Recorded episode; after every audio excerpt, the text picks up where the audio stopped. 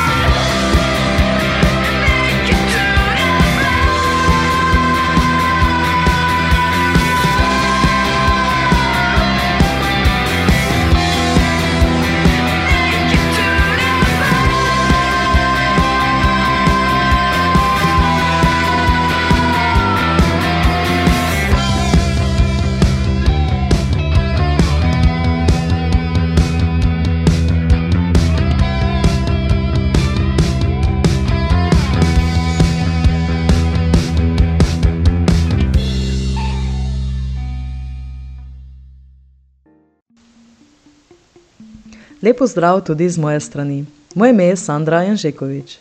Tokrat vam še zadnjič predstavljam najbolj brane knjige preteklega meseca v knjižnici Ormož in seveda tudi izbrane novosti iz knjižnih polic. Najmlajši so v preteklem mesecu najraje prebirali zbirko Brina Brihta, avtorice Sally Ripin in sicer prvi del te zbirke. Na drugem mestu pa je slikanica z zanimivim naslovom Kdo se je krtku pokakal na glavo? Avtorja Wernerja Holzvarta. Slikanica je pritegnila mlade bralce zaradi naslova, a pomaga otrokom pri samostojni uporabi toaletnih prostorov. Na tretjem mestu je slikanica Hiška, majhna kot miška, avtorice Julije Donaldson. Na četrtem mestu je Kakšno drevo zraste iz mačka, avtorice Nataše Konc Lorenzuti. Knjiga namenjena za Cankarjevo tekmovanje v četrtem in petem razredu osnovne šole v tem šolskem letu. Kot vidimo, se otroci že pridno pripravljate na tekmovanje. Peto mesto pa zaseda strip znanega avtorja Daja Pilkeja z naslovom Kapitan Gatnik in Britka bitka bioničnega smrkavca, del 1 Noč nesramnih nosnih nadlog. Mladina pa je največkrat posegala po knjigi Fake, Mine, Listad, nadaljevanju uspešnice Luzerka. Na drugem mestu je mladinski roman Elis Škorc, Genialni štor, napisan izpod rok priljubljene pisateljice mladinskih romanov Janje Vidmar. Na tretjem mestu je roman, ki je prejel nagrado Desetnica v letu 2021, Ker veter spi, avtorja Damjana Šinigoja. Na četrtem mestu je pretesljivi in upanja polni roman Krive so zvezde Johna Greena in na petem mestu najbolj branih knjig med mladimi je pesniška zbirka in sicer pesnice Bine Štampež Mavc naslovom Nebeške kočije. Sedaj pa si bomo ogledali, katere knjige ste odrasli bralci najraje prebirali v preteklem mesecu. Na vrh lestvice se je pospela kriminalka Evidenca slovenske pisateljice Mojce Širov, pri kateri gre za nadaljevanje njenega prvega kriminalnega romana Pogodba.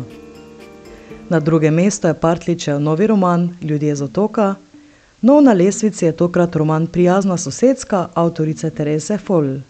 Knjiga je v preteklem letu ena izmed uspešnic New York Timesa, katera obravnava še vedno aktualno problematično tematiko rasizma. Spet se je na lesvico pojavila ena izmed najbolj branih knjig v letu 2020 in sicer 10 minut 38 sekund na tem čudnem svetu avtorice Elif Safak. Na petem mestu pa uspešni Lanškov roman Kuri pastir, ki se med peterico najbolj branih knjig zadržuje že od januarja 2021. Po glasbenem predahu skupino Kvala Voice si bomo ogledali novosti na knjižnih policah.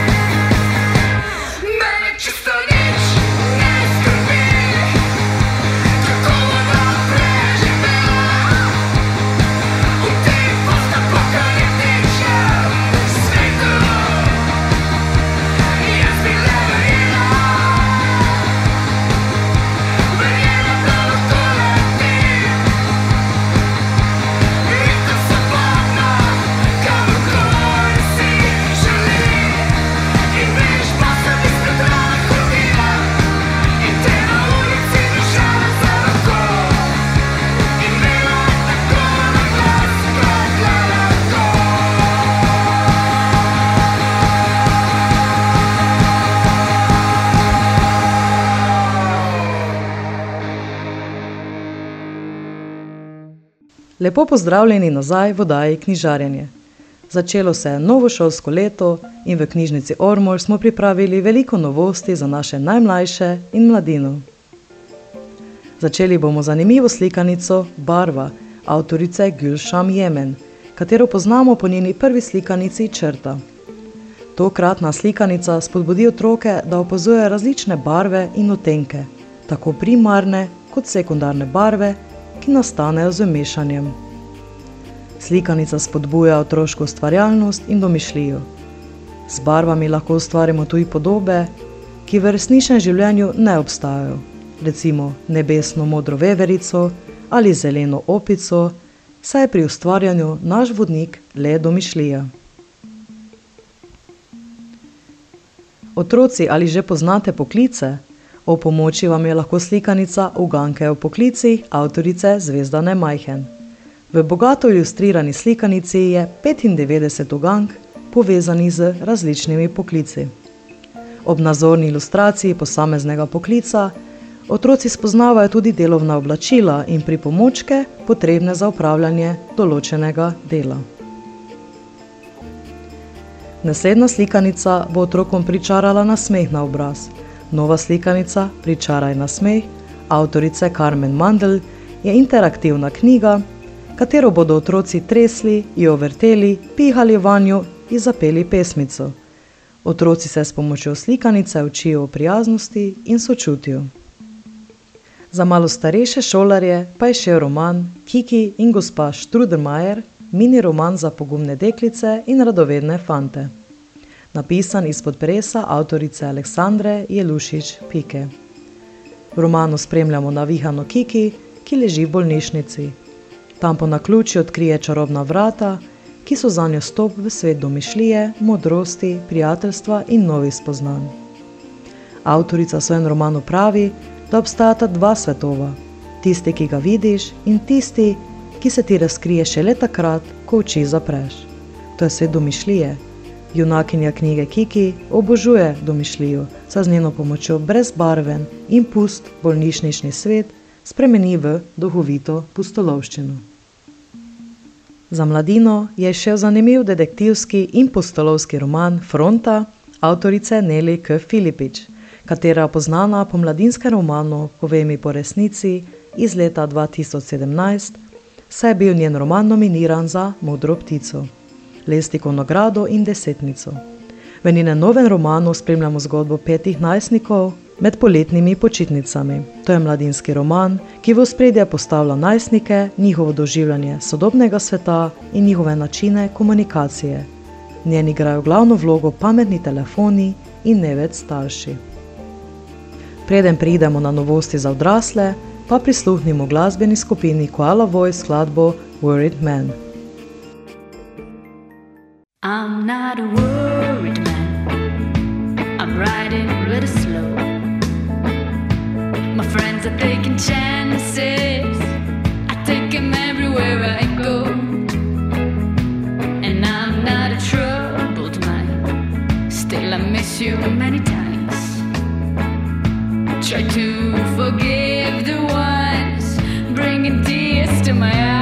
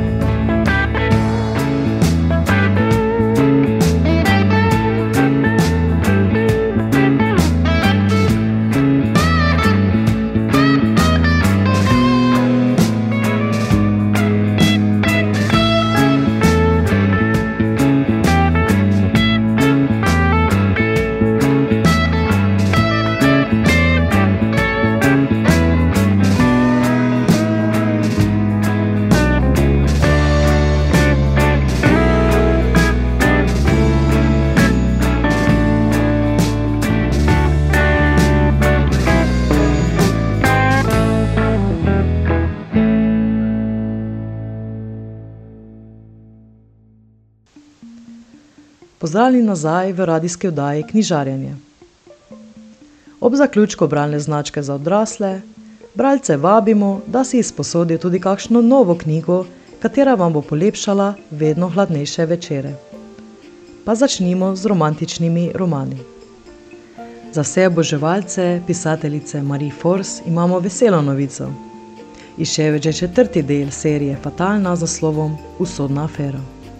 Tudi v tokratnem nadaljevanju spremljamo poročnico Washingtonske metropolitanske policije Sam Holland, katera se bo čez nekaj dni poročila senatorjem Nikon Kapunijem. A njun odnos je skrhan, saj njune delovne obveznosti ne nehno ločujejo. Ali se bosta kljub preprekam sprehodila do oltarja? Za vse tiste, ki spremljate knjige večkrat nagrajene avtorice Lorraine Head, lahko tokrat prebirate nadaljevanje zgodovinske romance Vojvoda na preizkušnji in sicer Zapeljivi lord. V zgodbi spremljamo tri mlade dediče, kateri je dal zlobni stric zapreti v stol. Vsem uspe pobegniti, enemu na morje, drugemu na mestne ulice in tretjemu na bojišče. Vsi pa nestrpno čakajo dan, ko se bodo vrnili v London in si povrnili vse tisto, kar jim je bilo po krivici odzeto. Čeprav poletje že odhaja, lahko vseeno z mislimi potujemo na plažo. Ob tem vam lahko pomaga roman za plažo, uspešnica New York Timesa avtorice Emily Henry.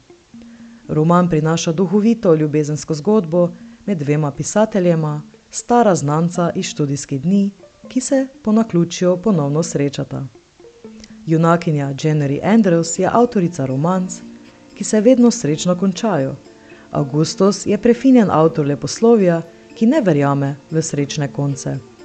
Jenny in Gus bi bila težko bolj različna, vendar imata tudi nekaj skupnega. Oba sta brez denarja, počitnice preživljata v obaljnih hiškah in se soočata s kreativno blokado. Do konca poletja pa morate napisati novo uspešnico. Novo pečena soseda se vsak dan bolje spoznavata in drug drugemu postavljata svoj pogled na svet. Med njima se splete tudi romanca, ki bo imela ali srečen ali nesrečen konec. Za vse ljubitelje biografij je tokrat izšel roman o Marie Curie, eni največjih in najslavnejših znanstvenic in o prvi ženski, ki je dobila Nobelovo nagrado na področju naravoslovja. Avtorica Suzana Leonard je napisala izjemno informativen roman o življenju te znanstvenice. Marija že kot otrok sanjala o tem, da bo nekega dne odšla iz Poljske, ki je bila pod rusko okupacijo. 20 let pozneje se njene sanje uresničijo z vlakom se odpelje v Pariz in se vpiše na fakulteto. Toda njen boj se nadaljuje, saj v svetu znanosti ni prostora za ženske. Ampak Marie ve, kar hoče. Kljub vsem oviram in preprekam se posveti raziskovanju in zaživi novo življenje. Njena sreča se zdi popolna, ko spozna fizika Piera, s katerim dosežeta revolucionarne uspehe. Toda ceno za to je visoka in Mari niti ne sluti, kakšne udarce ji bo zadalo življenje. Vsi tisti, ki obožujete kriminalke, predvsem dela najboljšega ameriškega pisca kriminalk Daniela Silva, je tokrat na voljo njegova peta in zadnja knjiga v seriji Vohun Gabriel Alon z naslovom Angliški vohun. V zgodbi spremljamo plemkinjo, ki jo ljudstvo obožuje zaradi njene lepote in dobrodelnosti a je trn v peti nekdanjemu soprogu in njegovi materi, angliški kraljici. Plemkinja se znajde na jahti med dopustom, kjer odjekne eksplozija, zaradi katere ni preživela. Britanska obveščevalna služba se pri iskanju morilca obrne zgolj na enega človeka, legendarnega vohuna in poklicnega morilca Gabriela Alona. Tisti, ki obožujete kriminalke najuspešnejšega nemškega pisca tega žanra, Sebastiana Ficeka, lahko tukaj prebirate njegovo novo knjigo, Odrezani. Njegove kriminalke so krvave, prežete z grozo in hkrati tako znemirljive, da kadar začneš brati, ne moreš nehati.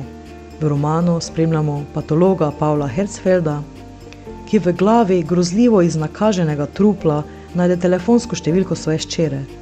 Ščerko Hena so ugrabili in za Herzfelda se začne lov na zaklad oziroma za namigi, ki so skriti v žrtvah umora. Psihopatski ugrabitelj mu je namreč na otoku Hengoland že pripravil naslednje truplje z navodili, ali bo pravočasno našel svojo ščer. Ste že prebirali Hitlerjeve pokuševalke, knjižničarko iz Auschwitza, Cilkino pot in druge knjige, ki pripoveduje zgodbe o žrtvah druge svetovne vojne. Tokrat imamo novo knjigo z naslovom Firerjeve sirote avtorja Davida Lausa. Roman opisuje, kako se sredi vojne v zaraščeni industrijski četrti v Münchnu 27 prestrašenih in lačnih otrok skriva pred gestapom. Njegove starše so poslali v koncentracijska taborišča in otroci nimajo kam. Vojaku, britanskemu vohunu, Petru, če samo se uspe vtihotapiti na ozemlje Tretjega rajha, a njegova tajna naloga je ogrožena, ko najde skrivališče sirot. Če misije ne bo opustil, bo imela usodne posledice za vse okrog njega, če pa jo bo, bodo nacisti morda dobili vojno.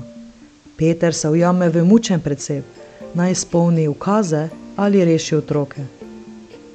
Roman temelji na resničnih dogodkih in sicer opisuje operacije reševanja otrok, Kinder Transport, med katero so pred Hitlerjevim zlobnim režimom rešili na tisoče otrok, preden se začela druga svetovna vojna.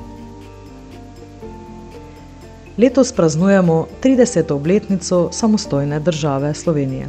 In ob tej obletnici je šla obsežna znanstvena monografija, ki prinaša pregled razvoja na različnih področjih v zadnjih treh desetletjih na slovenskem. Knjiga 30 let slovenske države je napisalo kar 34 avtoric in avtorjev, strokovnjakov in poznavalcev različnih vidikov razvoja na slovenskem. Knjiga obravnava zgodovinske prelomnice, politična, kulturna, verska vprašanja, izobraževanja, kmetijstva, turizma, problematike slovenske manjšine in drugih družbenih tem. To je prva monografija, ki tako natančno opisuje potek razvoja države in po kateri bo posegala ne samo splošna javnost, ampak tudi dijaki in študentje. Za konec pa knjiga Narava zdravi, ki nam lahko pomaga v času prehladov in drugih bolezni, ki se pojavijo v hladnejšem delu leta. Avtorica Melanie Wenzel je v knjigi zbrala več kot 60 preprostih receptov iz naravnih sestavin, ki jih lahko kupimo ali naberemo. Umilile ali odpravile bodo najpogostejše zdravstvene težave, od čaja proti krčem, mazila za smrkave noske, limoninih obkladkov za boleče grlo do tinktur za boljše razpoloženje in pripravkov za blaženje bolečin mišica. Sama pravi, da se moramo vedno bolj zavedati, da nam ni treba vedno poseči po tabletah, če nas praska v žrelu, če imamo glavo bolj ali nas boli trebuh. Telesu in duši raje naklonimo nežno zdravilno moč blagodejnih zdravilnih rastlin. Pa smo prišli do konca septembrske oddaje Knjižarjenje. Oddajo smo v sodelovanju z Radiom Prlek pripravili knjižničarke knjižnice Franca Ksaura Meška Ormož, Sandra Enžekovič in Marinka Vnuk. Kot sem že predhodno omenila, je tokratna radijska oddaja moja zadnja, saj se projekt Spodbudna karjerna perspektiva za mlade zaključuje. Knjižnica Franca Ksaura Meška Ormož se vedno trudi in prijavlja na razpise, tudi takšne, ki omogočajo prvo zaposlitev za mlade, da si pridobijo nove izkušnje, kakor sem si jih tudi jaz. Knjižnici sem na vse hvaležna za priložnost, nove izkušnje in nova spoznanja. Projekt Spodbudna karjerna perspektiva za mlade se izvaja od leta 2018 in je omogočil zaposlitev petim mladim za določen čas 12 mesecev. Kot prva je preko projekta bila zaposlena Neška Orešnik, na to so se nam pridružile še Martina Janežič, Jana Petek, Petra Janežič in kot zadnja jaz, Sandra Anžekovič. Odajo lahko prisluhnete spet prihodnji mesec, želim vam lep septemberski čas.